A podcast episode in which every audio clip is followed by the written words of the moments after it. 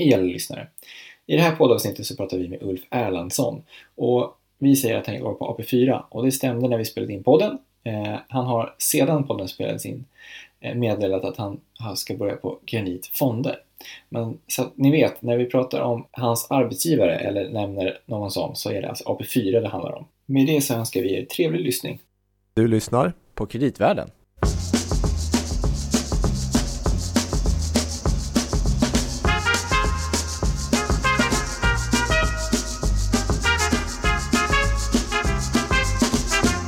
Louis Landeman Gabriel Bergin på Danske Bank Markets.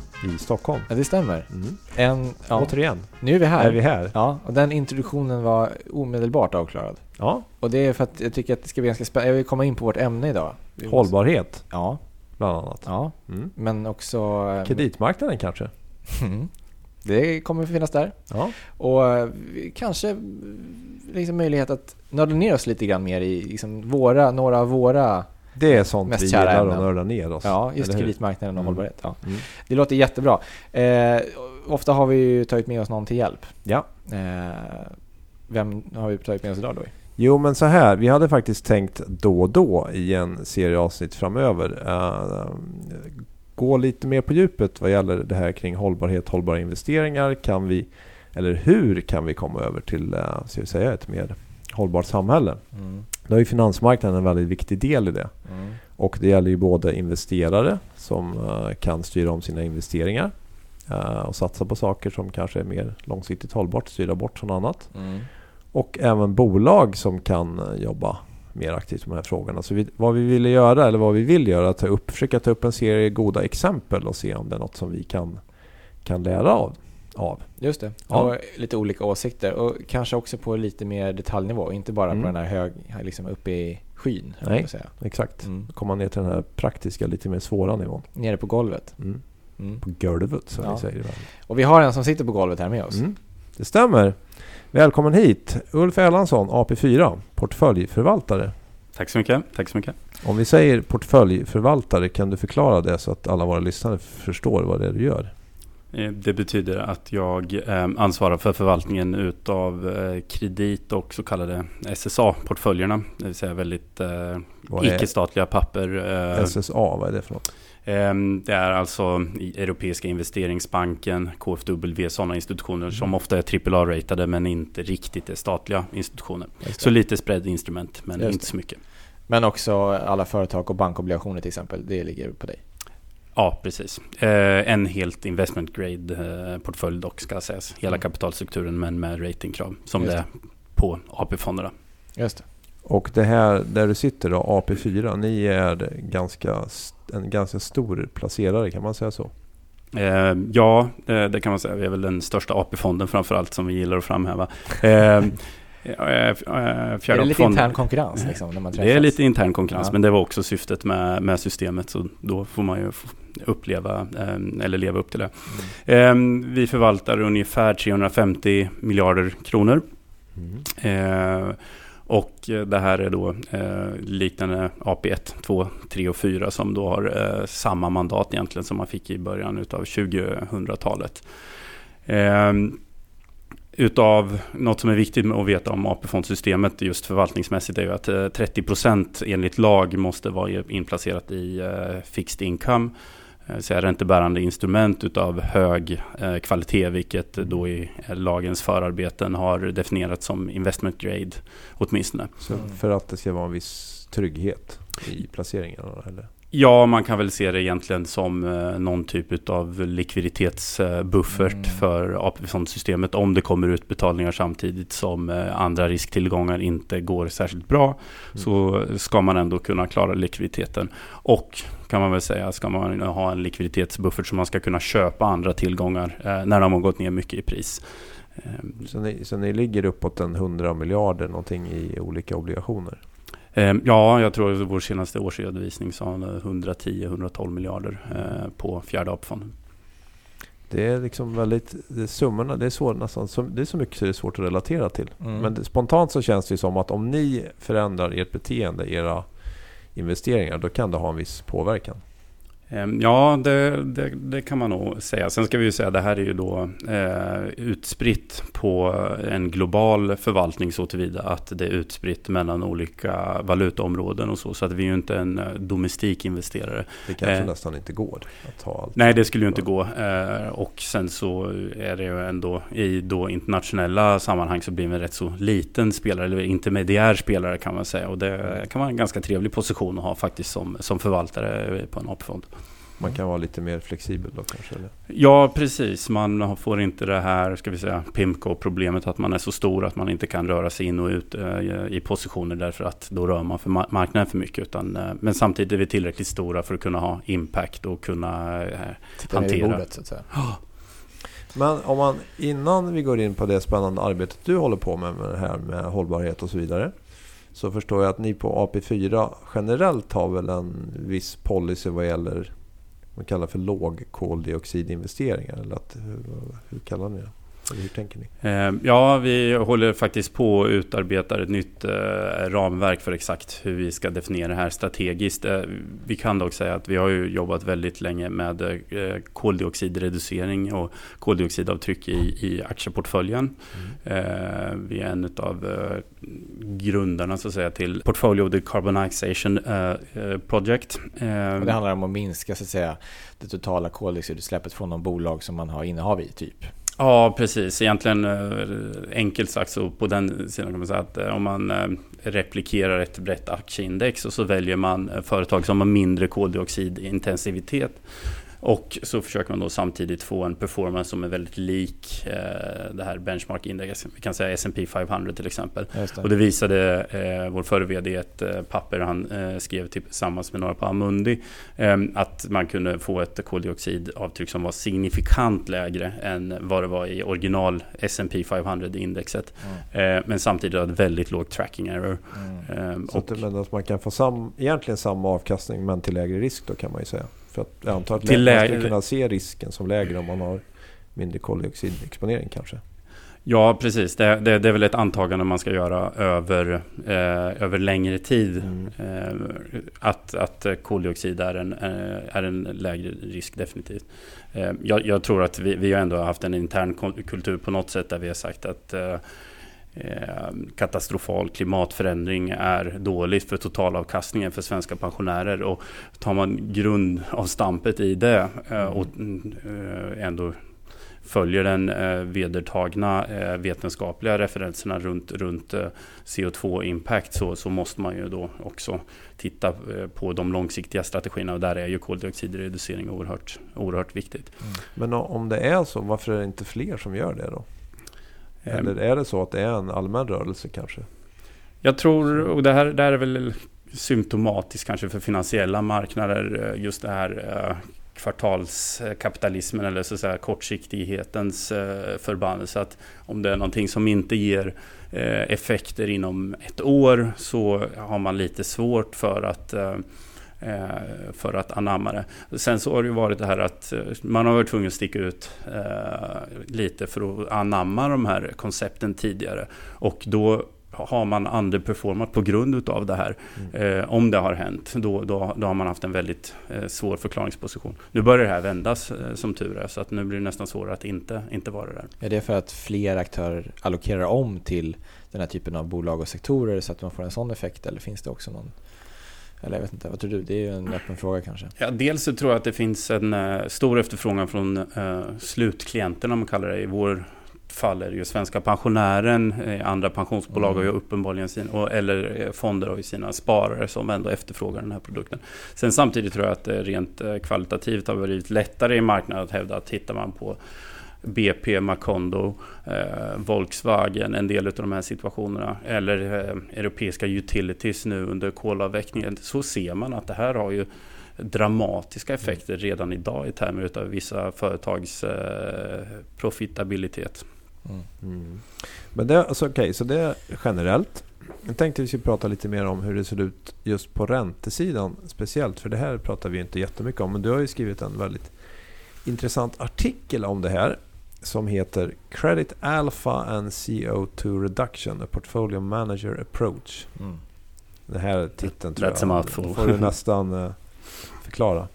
Um, ja, eh, det kanske jag ska försöka göra. Um, jag, um, jag har jag satte mig in egentligen och försöka skriva en artikel som dels behandlar att köra koldioxidsnåla uh, strategier mm. och ändå titta hur man kan utvinna alfa. Inte från strategin i sig själv. Men att man kan kombinera det vanliga alfasökande som man har som aktiv förvaltare samtidigt som man reducerar CO2. Mm. Eh, lite samma då som du var inne på tidigare, att försöka bibehålla sin avkastning men minska sin CO2. Exponering, eh, nej, nej? Det, det, här är faktiskt eh, annorlunda. Utan det här eh, tittar ju då, det tittar ofta på passiv förvaltning. Mm. Att man följer ett index och så ska man liksom, ja, eh, mm. följ, följa sitt benchmark. Man är bara beroende av tracking error. Det här handlar om alfafaktorn, alltså den som vi söker ofta i aktiv förvaltning. Okay, ja. eh, och huruvida man kan fortsätta att göra det mm. samtidigt som man reducerar CO2. Så att för alla som inte är så att säga, finansnördar som lyssnar på den här podden så är alfa den, den avkastning man får utöver ett underliggande index till exempel. Eller ja, marknaden precis. generellt. Mm. Mm. Mm. Kan man få någon sån? Eh, ja, eh, jag anser mig väl ha hittat i, eh, i det här pappret att det har fungerat väldigt eh, väl faktiskt. Mm. Eh, nu driver jag, eller vi driver en ganska speciell eller, eh, kreditförvaltning och har lyckats som visar det här pappret då, som en del av den, den, den, den förvaltningen har lyckats generera ett alfa på eh, runt 4,5% per år över, eh, över benchmark för en investment grade-portfölj är väldigt högt. Mm. Samtidigt så har då eh, CO2-intensiteten, koldioxidintensiteten i portföljen eh, reducerats eh, relativt signifikativt. Så att, eh, det, det är ju mm. någonting som vi är väldigt stolta över och samtidigt också vill inspirera andra att säga mm. att det går att göra både och. Det går att göra bra affärer, det går att reducera CO2 samtidigt. Mm. Vilka praktiska problem stöter man på då? När man, alltså till att börja med, det är inte kanske helt lätt att mäta. Eller hur mäter man det här med CO2? Jag tänker, det är lite mer komplicerat att vara på obligationssidan än aktiesidan? Eller? Ja, de två går ju faktiskt hand i hand dessutom. Så att alla problem som du har på aktiesidan eh, får du fast några dimensioner värre på obligationssidan. Eh, dels finns det ju den här problematiken runt att mäta koldioxidintensiteten i ett bolag. Mm. Det har inte jag utvecklat något speciellt, där har jag följt en del vad som finns i litteraturen. Men eh, sen finns ju problemet hur, hur sprider man ut en koldioxidexponering över kapitalstrukturen? Det vill mm. säga att eh, om ett företag släpper ut 100 miljoner ton eh, CO2, mm. eh, hur mycket ska aktieägarna bära utav det? Hur mycket ska obligationsägarna bära? Vilka mm, obligationer ska bära det? Hur gör du den fördelningsnyckeln? Eh, för att vi vill inte dubbelräkna här när vi gör ett avstamp liksom och försöker mm. mäta en total portföljs eh, koldioxidavtryck. Mm. Eh, så det, så, det, det, så det, det är en, en, en evig fråga. Vilket kapital är det som arbetar? Ja, och det där blir ju olika beroende på vilken typ av bolag. Mm. Eh, och även inom jag menar, mm. kreditdelen så har du ju eh, olika delar utav kapitalstrukturen. Då. Mm. Och sen dessutom så adderar du till det faktum att Eh, derivat är en väldigt viktig dimension och man vill inte eh, ha ett system där man kan runda CO2-intensitetsmätningen med, med derivat. Eh, gröna obligationer som är en jättespännande produkt mm. eh, ska ju integreras i det här också anser jag. Mm. Och hur ska man mäta det i sådana fall? Mm. Eh, så syftet här, och det var ju eh, eftertiteln så att säga, A Portfolio Manager Approach, det var att bygga ett eh, system som faktiskt kan mäta de riskerna som eh, vi har haft på i våra böcker i kreditförvaltningen och få ett totalmått på det eh, snarare än att bara ta vissa, eh, vissas, vissa delar. Jag tänker att det finns förmodligen inte så mycket akademiska arbeten på det här området eftersom de är kanske mer teoretiska än praktiska. Eh, nej, det är helt sant. Det har kommit eh, några små trevare från säljsidan. Men jag blev förvånad faktiskt när jag satte igång med det här arbetet att eh, det var så lite som hade eh, skrivit. Så eh, det är väldigt svårt att hitta liksom, teoretiska lösningar på just den här fördelningsnyckeln mellan mm. kapital. Det går ju tillbaka till Miller Modigliani egentligen. Man ska ha någon neutralitet i kapitalstrukturen och så vidare. Eh, och ja, det blir, det blir väldigt svårt. Så hur gjorde du? Eh, så istället då för att göra en fördelningsnyckel, för att den, den, den teknologin finns inte där idag, så tittar jag då på och säger att ja, vi mäter inom kreditförvaltningen så mäter vi eh, CO2-avtryck på relativ basis istället. Det är rätt lätt för mig att identifiera en emittent eller ett företag som släpper ut mycket CO2, har mm. hög koldioxidintensitet och sen så relativt någon som är, är bättre. Eh, och istället så använder jag då en, en, en scoring approach baserat på dels hur sektorn ser ut och hur man är placerad relativt i sektorn. Mm. Eh, så att det, det, är inte ett mått som kommer ge dig ett antal miljoner ton CO2-avtryck för din portfölj. Eh, utan det är ett mått som ger dig en relativ, eh, en relativ siffra, vilket du kan jämföra gentemot ditt benchmark. Du kan jämföra historiskt sett hur, hur, hur, det ser ut, hur du förändrar, om det blir bättre eller sämre. Och eh, det är, det är, väldigt flexibelt så du kan också eh, lägga över då dina derivatböcker och motsvarande så att du kan ändå få ut någon, något, någon totalsiffra på det hela. Kul, det här känns lite banbrytande. Mm. Du hörde det först i kreditvärlden, som vi brukar säga. Precis. Vi är först med den nya. Den ligger faktiskt på du... Fjärde AP-fondens eh, hemsida också. Okay, för att okay. Alla intresserade, gå in och kolla. Eh, men du nämnde det här gröna obligationer där. Vi har pratat om det förut. Vi kanske bara lite jättekort. Eh, ska vi bara förklara vad en grön obligation är? Ja, eh, en grön obligation är ju en, en vanlig företagsobligation egentligen där emittenten förbinder sig på olika sätt att finansiera vad man då definierar som gröna projekt med det man har då lånat utav investerare. det är ingen skyddad titel, så att säga. Det är lite som man brukar säga om civilekonom i Sverige, att alla kan kalla sig det egentligen. Men eh, givetvis finns det ju en, en, en, slags investera, inte konsensus, men i alla fall vyer på vad som bör vara grönt eller inte grönt. Mm. Eh, den är ju likställig med allt annat i, eh, på samma nivå strukturellt sett. Ja. Så att eh, det finns ingen hård kodning i eh, obligationskontrakten. Eh, det är per person som vi skulle säga. Däremot så finns det ju liksom en en reputational risk, eh, ryktesrisk att, att inte leva upp till den gröna mm. finansiering som man i. Men hur ser du då i, eh, om du tänker dig din portfölj här, hur liksom ser du på en grön obligation kontra kan du säga att en grön obligation är alltid bättre eller så är det kanske inte riktigt? Det beror på, är det så? Eh, det beror på eller ja, eh, jag kanske lite, eller vi har haft en lite ovanlig modell där, för vi har integrerat gröna obligationer i våra resterande obligationsportföljer. Så att mm. Eh, det finns bokstavligen talat eh, inte någonting som flaggas i våra system och säger att det här är en grön obligation. Sen kan vi ju dra ut datan givetvis. Ehm, så att vi, vi har ju fortfarande som AP-fond på oss kravet med räntabilitet och vi ska försöka få bästa möjliga avkastningen eh, mm. för, för de pengar som vi investerar. Och där så har vi då sett att vi har kunnat klara av att ha samma räntabilitet och tjäna bra med pengar på gröna obligationer. Och givet allting annat så lever det här upp också till en målbild vi har runt eh, CO2-reduktion. Så att det, det, det, finns ingen, ingen nedsida i det. Nej, Om det men... inte är så att de börjar så att säga, handlas dyrare eller man får lägre avkastning i monetära termer jämfört med andra från samma emittent till exempel. Ja precis, då börjar man ju eh, få det här eh, lite, lite problematiskt eh, mm. såklart. Eh, för någonstans då måste man säga att så här mycket kostar vår CO2-reduktion. Eh, eh, jag tror att man, man det kommer ju hända givetvis och det finns exempel på sånt i marknaden redan nu. Eh, men, men än så länge så håller nog investerarkollektivet emot rätt så bra eh, vad gäller det. Mm. bolagens sida skulle de kanske tycka tvärtom i och för sig. Att de vill inte göra gröna obligationer om det ska kosta lika mycket som en vanlig. Givet att det är viss medarbete och sånt där. Mm. Jag brukar göra den här approachen när jag pratar med emittenter som funderar på gröna obligationer och så. Det är att eh, eh du skapar en investerarbas, en ny större investerarbas som du inte har haft tidigare genom ditt gröna obligationsarbete. Det finns vissa företag som jag träffat som jag aldrig skulle ha investerat i om det inte vore så att de gjorde något grönt, att de kom med någonting extra. Så du breddar din investerarbas. Eh, och dessutom så tror jag att eh, det är en viktig markör allt eftersom mer institutionella investerare tittar efter företag med bra ESG-kriterier.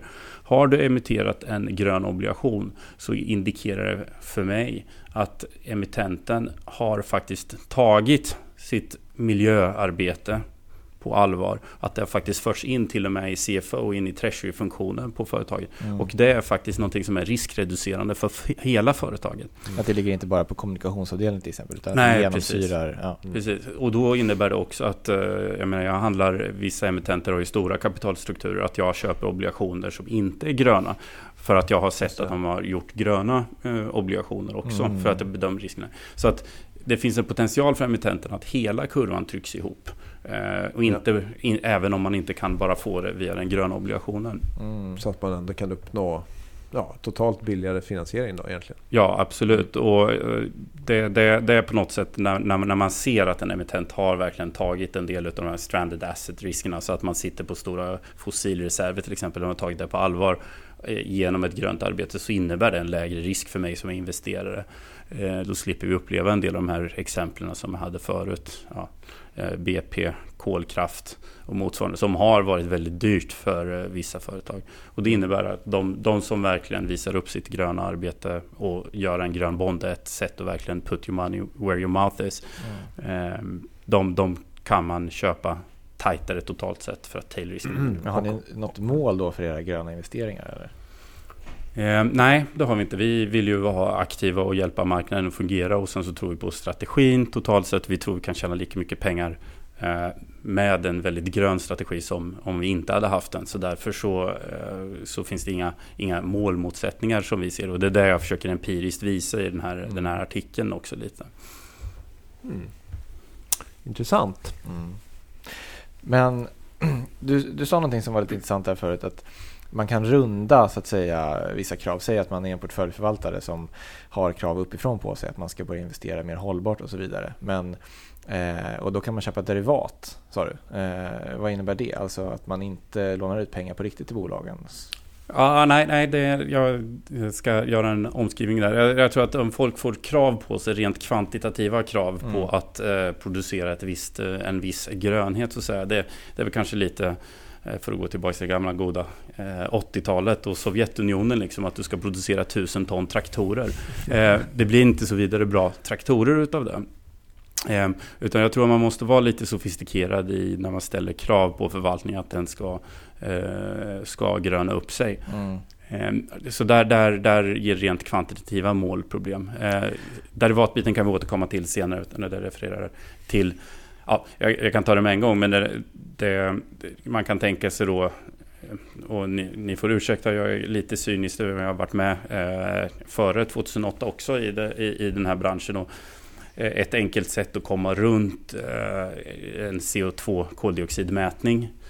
Mm. Eh, jag kan äga en väldigt smutsig obligation, jag säljer den smutsiga obligationen. Men så plockar jag på samma risk i derivat istället. Mm. Och eh, med vedertagna måttbegrepp så kommer inte det dyka upp överhuvudtaget att jag eh, har då eh, nästan gett en liknande finansiering fast i derivatledet. Utan, den här approachen som jag har skrivit den, den låter inte folk runda, runda märkena på just det, just det. För, men apropå det, derivatmarknaden är också intressant för du har ju suttit ganska länge och hållit på, och på med krediter. Eh, hur länge har du varit befolkningsförvaltare på AP4? Det är sen... Jag började hösten 2009, så ja, snart åtta år. Och innan dess var du i London, stämmer Ja, jag var på det som då hette Barclays Capital eh, och satt på kreditstrategisidan så eh, i stort sett på hela sätt. Något mer kvantitativt men, men i alla fall. Ja. Mm. Men, och, och där var du även innan krisen. Då. Om man skulle säga, om man tittar på kreditmarknaden då, eh, då, innan krisen kanske framförallt och innan 07 jämfört med nu. Vad skulle du säga är den största skillnaden? Eh, oj. eh, Ja, det kan vara värt att påpeka kanske en sån här tid av låg volatilitet mm. som vi mm. upplever just nu. Så jag, kom, jag började i London eh, sommaren, sensommaren 2005. Och då hade kreditmarknaden gått igenom något som hette korrelationsstormen. som var eh, då det fasansfulla att Ford och GM hade blivit nedgraderade. och det här ledde till en massa eh, försäljningar eh, och hedgebyten i, i, i CDS-erna och gav lite vibrationer i CDO-marknaden då som, som, mm. som var på gång. Och det här var ju liksom volatilitet som idag eh, inte ens skulle eh, öppna eh, Bloomberg för. Mm. Ehm, så det var ju en enormt stor, stor skillnad. Då. Mm. iTrax Main var det på tidig, tidig sommar 2007 handlade väl på 19,5 eh, basis points eller någonting sånt där. Nu är det många begrepp här, men i princip så är poängen att räntorna är väldigt låga, men framförallt så var kreditspreadarna, det som vi brukar prata om, kreditriskpremien, eh, var extremt låg. Eh. Man kan ju säga att då kreditriskpremien var låg fastän räntorna var väldigt höga jämfört med vad de är idag. Mm, mm, just, det. just det. Och det som har hänt sedan dess är väl en effekt kanske av att centralbankerna har köpt mycket tillgångar är väl en vanlig förklaringsmodell. Ja, det får vi väl nog konstatera att så är fallet. Ja, just det. Men om vi tittar på det här, just när du säger iTrax, det är ju en korg då av sådana här CDSer, vilket då är i princip ett kontrakt där man tar, eh, betalar eller eh, tar försäkringsskydd eh, på obligationsrisk. Men den marknaden, finns den verkligen kvar? Liksom? Jag tänker att det är en sån som kanske dog ut lite grann under krisen. Eller om man lyssnar som vanlig person, tänker att sånt där håller man inte på längre. Eller? Um, Jo, det, det, gör man faktiskt. Det är inte alls i samma omfattning som det var eh, förr i tiden. Men eh, det är fortfarande en ganska vibrant marknad skulle jag vilja säga. Mm. Lite mer reglerad nu kanske? eller? Eh, ja, inte så oerhört mycket mer reglerad. Det har börjat komma lite med centralized clearing och motsvarande. Mm. Vad som dock har hänt och som är väldigt viktigt att komma ihåg det är att det är standardiserat på ett helt annat sätt. Det är kollateraliserat på ett helt annat sätt än vad det var innan eh, finanskrisen. Mm. Eh, så att när jag har köpt eller sålt en CDS med en bank så kan jag köpa och sälja den tillbaka den till en annan bank och kontraktet försvinner. Eh, försäkringspremien liksom nettas ut. Det, det, det, hände inte före, före krisen utan då... Ja, det var individuella kontrakt med massa olika banker då? Precis, och ibland hade man inte underliggande derivatavtal på plats. Och, mm. Men framförallt då så, eh, eh, så fanns det alldeles för mycket hävstångs... Eh, effekter i systemet och det är ju inte ett problem för instrumentet i sig. Eh, jag skulle säga det, det är väl lite, jag gillar the big short, men det är lite missrepresenterat att säga att eh, CDS-erna fungerar som de gjorde där. Och det stora problemet det var, det var hur mycket leverage en del institutioner eh, fick ta på sig med hjälp av de här eh, eh instrumenten. Och det är ju helt annorlunda idag. Just det. Så att om man eh, köper eller så att säga, säljer som man brukar säga en CDS så behöver man eh, hålla så att säga, kapital eller man behöver använda egna pengar för att göra det. Ja, precis. AIG då som gick under eh, var ju det stora exemplet som mm, hade en AAA-ratad mm. balansräkning och därför inte behövde lägga undan något kapital när man ställde skydd, det vill säga när man var lång risk i Och tog sig att betala om ett bolag gick konkurs. Eh, precis, eh, och fick då den försäkringspremien. Så de ställde ju enorma mängder mm. eh, försäkring för att det var ju en eh, uppgivning för dem. Eh, så fungerar jätteväl för de betalar 0% i eh, kapital på andra sidan. Men i dagens marknad där räntorna och de här kreditpremierna är så låga så kanske man ändå kan tycka att även om man måste lägga in eget kapital så kanske de här försäkringspremierna kan vara intressanta ändå. Eh, ja, jag tycker det här är superintressant. Framförallt därför att räntorna är så låga. Mm. När du köper vissa obligationer som då ligger nere på noll eller minus i yield, vilket kan vara rationellt för institutionella investerare, så, och så tittar du på ett CDS-kontrakt där du för samma kreditrisk eh, kan få eh, många gånger mer i kreditriskpremie. Dessutom så har du inte den här räntekänsligheten. Och för det tredje då så behöver du inte lägga 100% av ditt kapital på att köpa det. Du kan bara lägga undan en viss del som, som, mm. som säkring, kollateral för det. Så ser det ju väldigt attraktivt, eh, väldigt attraktivt ut. Är, har du någon generell marknadssyn just nu då? Givet som du sa att det är låga räntor och låga kreditriskpremier. Och känns det som att det här är bekant från din London-tid? Eller känns det som att det är väl motiverat? Vad tror du kan hända framöver? med? Ja, man, man är alltid lite uh, ställd på ena sidan. För fortfarande så finns det ju i kreditspreadaren inprisning utav uh, konkurssannolikheter. Eh, om vi tittar mm. på derivatsidan. Eh, och det går ju väldigt snyggt att mäta ut i CDS-erna vad är den implicita konkurssannolikheten för, för, för krediten. Så är de fortfarande väldigt höga. Det är inte sådana man brukar se ens på toppen utav cykeln för, mm. för investment grade-obligationer. Så det eh, ser jätteattraktivt ut. Det ser okej ut. Ja, det, det, gör det. Och sen så tror jag då att de här låga räntorna, eh, där finns en annan eh, problematik och det är väl snarare det att när räntorna börjar stiga så kommer totalavkastning eh, falla väldigt kraftigt för väldigt många räntebärande tillgångar. Mm. Eh, räntan stiger, priset, eh, priset faller. Och jag tycker inte, se mig att marknaden är riktigt, riktigt beredd på att svälja eh, svälja det. De marknadsrörelserna? Nej, och min, min, min cue lite för det här var egentligen var så eh, för lite drygt ett år sedan i mm. februari förra året och innan ECB gick ut med sitt eh, Corporate Purchase-program. Eh, för då var det, det stod stilla, det var väldigt fruset i cash-obligationsmarknaden. Mm. Framförallt i euros då. Och det gav mig en känsla av en riktig, riktig kris. Hade de inte kommit in då, då hade det varit extremt problematiskt. Och det var då som ECB lanserade att man skulle börja köpa företagsobligationer direkt på marknaden. Mm. Vilket man fortfarande gör. Mm. Och jag antar att den stora diskussionen nu är när kommer man sluta med det då? Mm. För då kanske man kan vara lite orolig att det skulle komma tillbaka att bli en, en mycket svagare marknad igen då kanske? Ehm, ja, nu tror jag då att man kommer hålla marknaden om ryggen, eh, framförallt i Europa, bara för att det är så pass bräckligt fortfarande. Man kommer inte vilja göra misstag på, på, på fel sidor. Men till syvende och sist så kommer det tillbaks till det att eh, mycket obligationer finns där ute där du har en kupong som sitter på under 1%. Mm. En gång i tiden sa jag till mig själv att jag aldrig skulle köpa en obligation med en zero handle som vi sa, så det var 0, x procent i, eh, i, i kupong. Men det har man ju fått eh, äta upp. Eh, och frågan är då... Det, det, det är många som har fått äta upp ganska mycket de senaste 6-5 åren. ja, absolut. Och frågan är bara hur de här tillgångarna då kommer handla sen när, när, när priserna går ner. Och det här, det här går ju och det är ju för att ränta är ju då inverst relaterat till, priset och ju lägre kupong man har desto mer känslig för ränteuppgångar blir priset på obligationer. Ja, precis. Ska man vara orolig då för att det skulle kunna bli en period med till exempel fondutflöden och att vissa bolag då kan få svårare att finansiera sig kanske? Det är en sån sak som skulle kunna hända eller?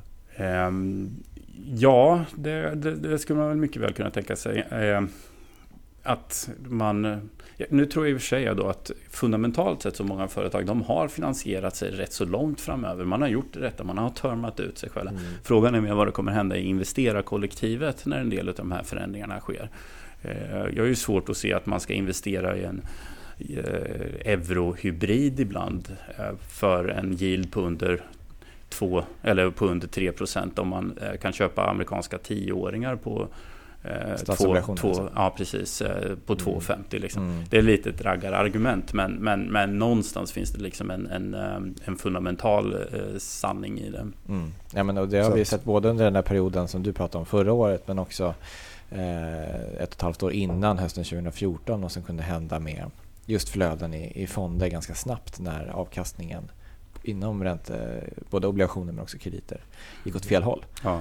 Eh, så var det många som drog tillbaka. Jag, jag, gjorde någonting på sociala medier för ett tag sedan där jag bara visade. Och det var faktiskt en grön obligation, det var inget speciellt med det. Men det var en, en, en supranationell, en sån här SSA-emittent som gav ut en väldigt långdaterad um, det var 20-årig obligation i euro förra, eh, förra hösten. Eh, på extremt låga räntenivåer. För mm. tyska räntor var nere väldigt lågt. Mm. Och hävstång... Trump kanske? Ja, precis. Hävstångseffekten i det, det är ju att den här obligationen då som erbjöd eh, någon procent i kupong har ju gått ner 15 procent i pris sen dess bara på räntestigande. Och det är riktiga pengar mm. eh, som är totalavkastning som någon någonstans eh, ändå förlorar när det här händer. Ja. Eh, Om inte man sitter på den här i 20 år och emittenten betalar tillbaka. Jag fick det argumentet mot mig just eh, på den här och jag tror att få av oss har ett eh, mandat och ett anställningskontrakt som är på 20 år. och vi har inte en ledning som har ett anställningskontrakt som är på 20 år. Nej. Så att jag, jag har lite svårt med paradigmen att hold to maturity så blir det en bra investering. Det kan alltid komma något som förändrar allting och då Eh, då kommer man kasta ut eh, en hel del barn med badvattnet också. Man sitter på en stor eh, kursrisk där. Ja, det gör man. Det gör man. Mm. Eh, och du, kursrisken, liksom normalt säger man i obligation, då har man pult och par, att den går ju tillbaka till 100 i alla fall om inte kreditrisk. Men har du någonting som handlar på 85 helt plötsligt mm. och det är 20 år kvar till, till den förfaller, då är pult. Då har du bara uppsida. om inte räntorna fortsätter stiga i och för sig. Ja, nej men eh, bra. Mycket bra. Ja, mycket spännande saker att tänka på. Ja, det är sånt här vi försöker tänka på och kanske mm. många av våra lyssnare och eh, dina kollegor och konkurrenter försöker tänka på eh, på daglig basis. Så att, eh, men det är väldigt intressanta inspel. Jag tänker att eh, alla lyssnare som är berörda av det som vi har pratat om idag mm. gärna får eh, kommentera och höra av sig och säga, kanske säga emot. Eh, Både investerare och bolag. Ja, eller bli inspirerade. Mm. Mm. Det hoppas vi. Den här artikeln som sagt den finns på er hemsida. Så den ja. som vill läsa den, gå in och titta där. Mm. Och kul att höra att ni arbetar så aktivt. Det känns ju som att det här ger faktiskt lite inspiration. Tänka vidare. Mm. Det är meningen, tack. Mm. Och i nästa avsnitt Gabriel, ja. då, då är det dags att, jag vet inte om det inspirerade rätt ord. Något annat. Ja. Något ganska spännande i alla fall mm. kan vi säga. Mm. Men vi kommer inte säga vad. Kan vara så att vi blickar tillbaka lite. Mm, det kan det vara. Mm. Vi lämnar det där. Det gör vi. Tack så mycket för idag Ulf. Ja, tack, Stort tack. Hej hej. Hej.